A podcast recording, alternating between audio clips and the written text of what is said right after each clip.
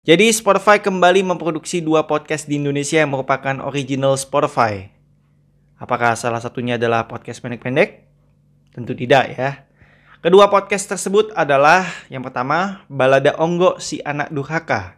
Ini diproduksi oleh Spotify Studios dan Podcast Mas Asia Network. Kemudian yang kedua ada Yang Tak Terlihat.